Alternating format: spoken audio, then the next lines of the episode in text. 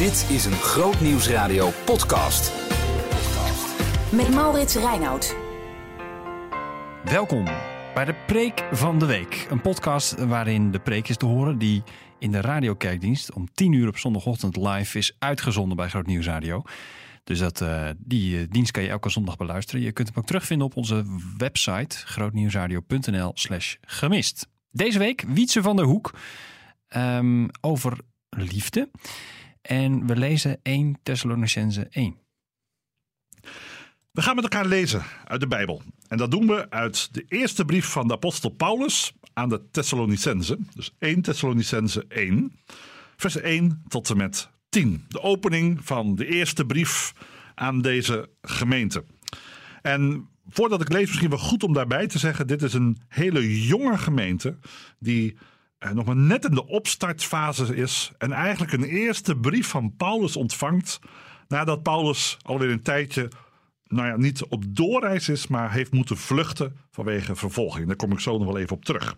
Maar in die context gaan we dit lezen. 1 Thessalonicense 1, vers 1 tot 10. En ik lees uit de herziene Statenvertaling. Paulus, Silvanus en Timotheus. Aan de gemeente van de Thessalonicensen, die in God de Vader en de Heer Jezus Christus is. Genade zij u en vrede van God onze Vader en van de Heer Jezus Christus. Wij danken God altijd voor u allen, wanneer wij aan u denken in onze gebeden. En zonder ophouden denken aan het werk van uw geloof, de inspanning van uw liefde en de volharding van uw hoop op onze Heer Jezus Christus, voor het aangezicht van onze God en Vader. Wij weten immers, geliefde broeders, van uw verkiezing door God. Want onze evangelie is niet alleen met woorden tot u gekomen, maar ook met kracht en met de Heilige Geest en met volle zekerheid. U weet immers hoe wij in uw midden geweest zijn, ter wille van u.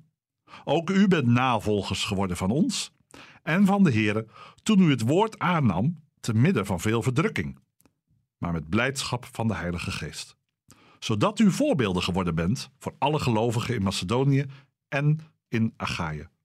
Want van u uit heeft het woord van de Heere luid geklonken. Niet alleen in Macedonië en Achaïe, maar ook in alle plaatsen heeft uw geloof in God zich verspreid, zodat het niet nodig is dat wij daarvan iets zeggen. Want zij vermelden zelf over ons hoezeer wij ingang bij u gekregen hebben en hoe u zich van de afgoden tot God bekeerd hebt, om de levende en waarachtige God te dienen, en zijn zoon uit de hemelen te verwachten, die hij uit de doden heeft opgewekt, namelijk Jezus, die ons verlost heeft van de komende toorn. Tot zover dit Bijbelgedeelte. Ik weet niet hoe, ehm, hoe het jou verging, maar toen ik op de basisschool zat, was ik altijd erg benieuwd hoe zou mijn rapport eruit zien. Dat is altijd spannend, een rapport krijgen. Van wat zal de meester ervan vinden? Hoe was je gedrag? Hoe was het vak aardrijkskunde of geschiedenis? En hoe deed je het met de sport en gym? En dan op een gegeven moment kwam dat rapport. En dan mocht je naar huis lopen. En zoals veel kinderen, mijn eigen kinderen dat vandaag de dag ook nog doen. Dan rennen we naar papa en mama, naar opa en oma. Aan de ene kant om te incasseren. Aan de andere kant toch ook wel met trots de prestaties te laten zien. En het lijkt er een klein beetje op, als we nu naar deze brief kijken, alsof Paulus een rapport geeft aan deze gemeente. En ik zei het bij de inleiding al, deze gemeente is een jonge gemeente. Ook hier is het belangrijk om de context van deze gemeente een beetje te kennen. Want wat is er aan de hand? Deze gemeente is door Paulus gesticht op doorreis van zijn tweede zendingsreis. Maar uiteindelijk heeft Paulus maar heel kort in deze gemeente kunnen werken. Uiteindelijk weten we ook, met name door ook te lezen in handelingen 17, 18, 19 en 20, eh, dat er vervolging kwam. Dus Paulus was in Thessaloniki aangekomen, een Griekse stad. En uiteindelijk was er een enorme tumult in die stad. Vanwege zijn prediking, een oproer onder de Joden. En ook de Romeinse gezagmensen begonnen zich ermee te bemoeien. En dat werd, liep zo hoog op dat uiteindelijk Paulus de stad werd uitgejaagd, naar Berea ging. En zelfs de mensen uit Thessaloniki kwamen naar Berea om hem daar nog achterna te zitten met pek en veer, als het ware. Waardoor hij doorvlucht naar ehm, eh, Athene, waar het bekende verhaal van de Areopagus plaatsvindt. Maar Paulus maakt zich wel zorgen. Hij heeft zich zorgen gemaakt over die jonge gemeente. Je kun je voorstellen dat je misschien maar drie weken in een gemeente geweest bent. Onderwijs hebt gegeven en dan de vraag stelt: ja, maar wat is er nu van over? En dan stuurt hij uiteindelijk Timotheus en Silas terug om ja, een stuk bijles te geven. En als Timotheus terugkomt met het geweldige bericht, en dat lees je verderop in de Thessalonicense brief, dat het goed gaat met deze gemeente, dan klimt Paulus als het ware weer in één keer in de pen en gaat hij schrijven, deze brief. En dat doet mij een beetje denken aan een rapport krijgen en een goed cijfer ontvangen voor misschien maar een paar lessen die je hebt gehad. En Paulus vat dat samen in, in die eerste versen. Wij danken God voor u allen. Wanneer wij denken aan u in onze gebeden. Dat moest ook, want Paulus kon er zelf niet naartoe. Hij werd met de dood bedreigd. En dan zegt hij, wij denken aan, het, aan drie dingen. Het werk van uw geloof, de inspanning van uw liefde en de volharding van uw hoop. Geweldig. En als je dan doorleest de tekst zoals we die gelezen hebben, dan zien we zelfs in vers 8, 9 en 10 dat deze gemeente zelfs missionair is. Dat het woord van God vanuit deze gemeente al klinkt. Het moet Paulus een geweldige vreugde gegeven hebben. En daarom schrijft hij deze brief te midden van de navolging. Bent u, heeft u het woord aangenomen met blijdschap van de Heilige Geest. En ik vind het wel krachtig als ik erover nadenk. Denk, zo'n jonge gemeente. Zo, zo kort nog maar in geloof. En zo'n, nou, je wil niet gelijk een resultaat spreken, maar zo'n vrucht van het geloof. De vraag is, kunnen we uit dit tekstgedeelte ook opmaken hoe dat komt?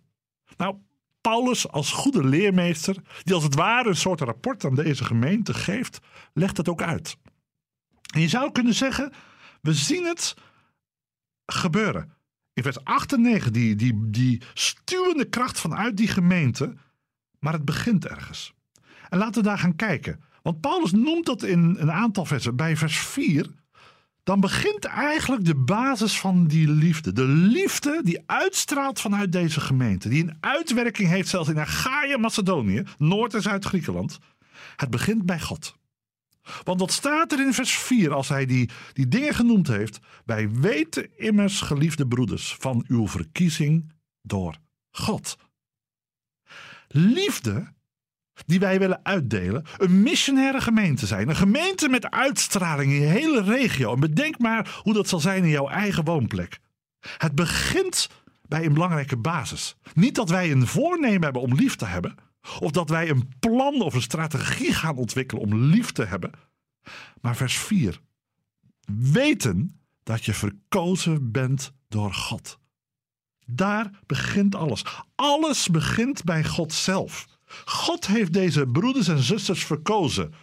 Want, het wordt ook onderbouwd. Hoe weet je dan dat je geliefd bent door God? Dan zegt vers 5, want ons evangelie, is niet alleen met woorden tot u gekomen. Dus het is niet het werk van Paulus. Het is niet, kijk hoe geweldig ik ben. Maar ook met kracht. En met de Heilige Geest. En met volle zekerheid. Dus een verkiezing met zekerheid. Eigenlijk kun je deze tekst moet je andersom gaan lezen. Hoe word ik zeker van mijn geloof? Hoe weet ik dat God van mij houdt? Dat ik aanneem dat God mij verkiest maar ook dat ik het ervaar. Doordat de woorden van Gods woord met kracht bij mij binnenkomen en dat Gods geest ermee aan het werk gaat en mij overtuigt van zonde en genade, waardoor ik volle zekerheid krijg.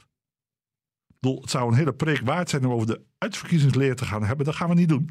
Het gaat hier met name over die volle zekerheid. Liefde die begint met de zekerheid: ik ben een geliefd kind van God.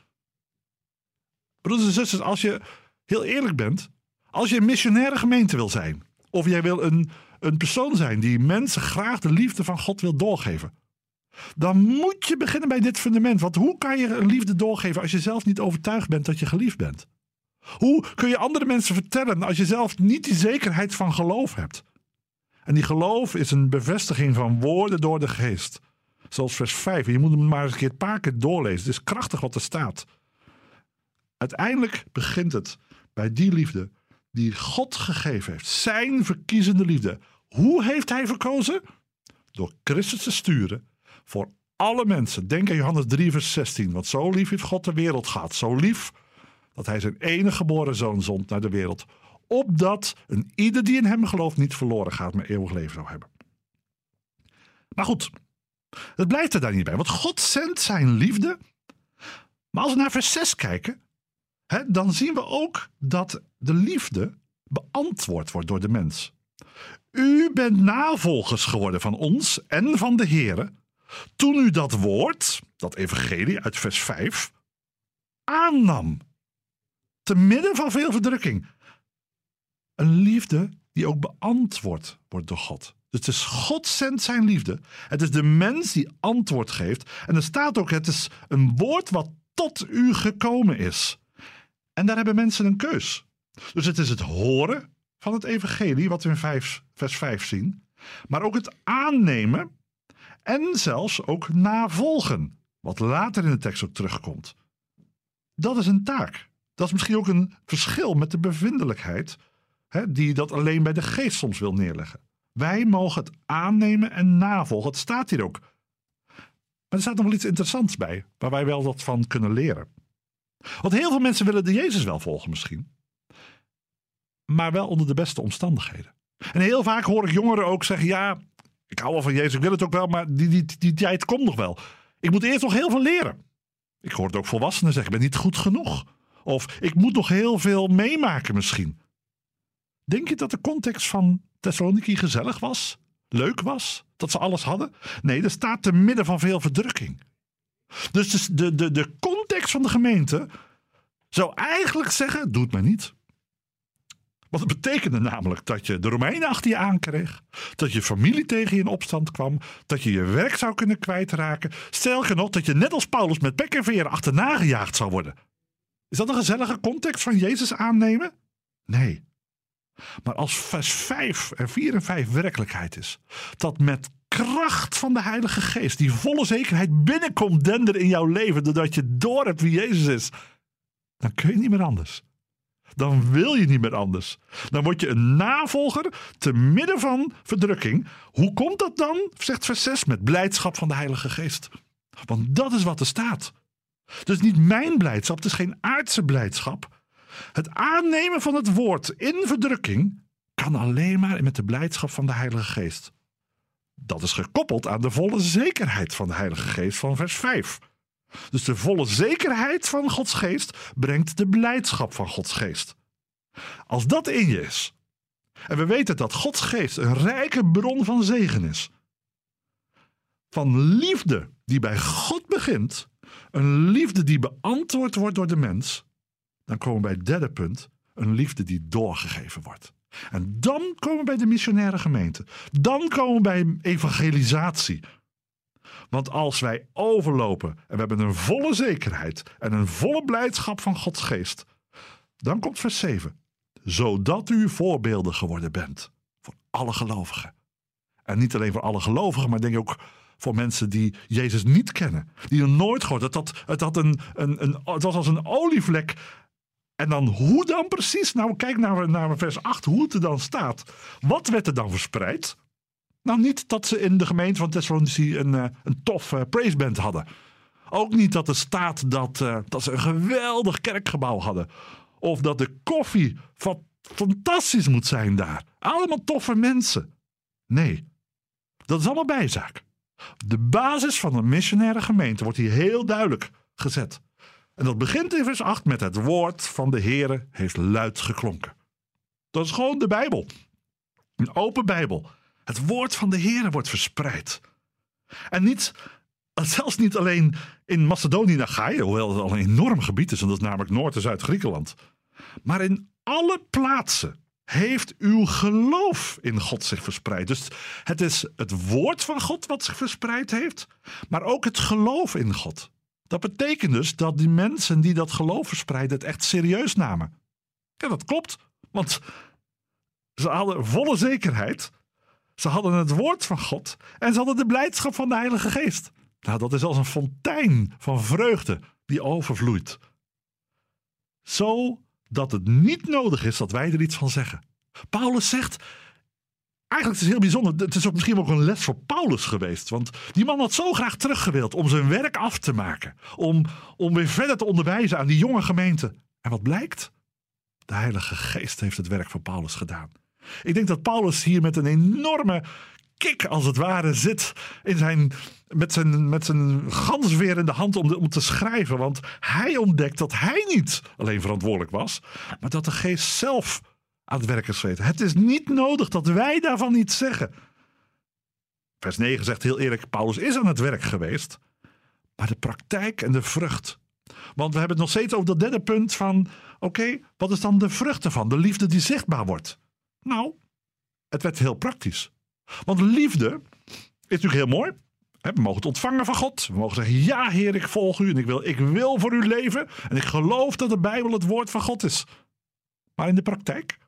Hoe wordt het zichtbaar in de praktijk? Nou, kijk maar naar het laatste stukje. Het werd heel praktisch. Afkeren van de afgoden om de levende en waarachtige God te dienen. In een Romeinse context waarin op iedere hoek van de straat een afgodsbeeld staat. Thessaloniki, wat aan de voet van de berg Olympus lag. Waar het wemelde van afgoderij en, en, en handel in, in potjes en zalfjes en afgodenbeelden. En wat verwachten zij? Nou, niet de keizer van Rome, de zoon uit de hemelen. In die verdrukking. Hij die de doden heeft opgewekt. Namelijk Jezus. En hij is het die ons verlost van de komende toren. Niet de keizer van Rome, maar Jezus. En dat slotwoord is zo essentieel. Want we zeggen het heel vaak: waarom moest Jezus komen naar de wereld? Om onze zonde te vergeven. En dan? Nee, wij worden. Het klinkt eigenlijk heel gek wat ik misschien zegt. Maar Jezus verlost ons van God. Klinkt heel dubbel, heel raar. Maar het staat er wel. Want Satan zal niet de komende toren zenden. God zal oordelen de levende doden. Jezus verlost ons van de toren van God. Door zelf de toren van God, de beker met de laatste droesem op te drinken aan het kruis, waar hij de zonde van de wereld droeg. De toren voor ons kwam op Jezus.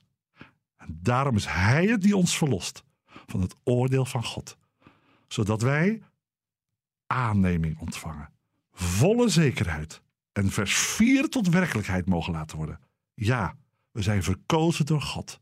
Door genade ben ik een kind van God. Een missionair gemeente zijn? Het begint bij je geliefd weten. Ten tweede, door in die liefde, die gegeven liefde, de antwoorden in geloven, niet door werken. En ten derde, ook om te zetten in de praktijk. Een missie. Paulus begon er al mee in Thessaloniki. De geest maakt het af. En ook vandaag. Gods geest wil jou die zekerheid geven. Ook als het soms moeilijk is. En je kunt wachten tot je een ons weegt tot de wereld perfect is. Maar juist in de verdrukking wil Hij die zekerheid geven. En zo mogen we onszelf een paar vragen stellen ten slot.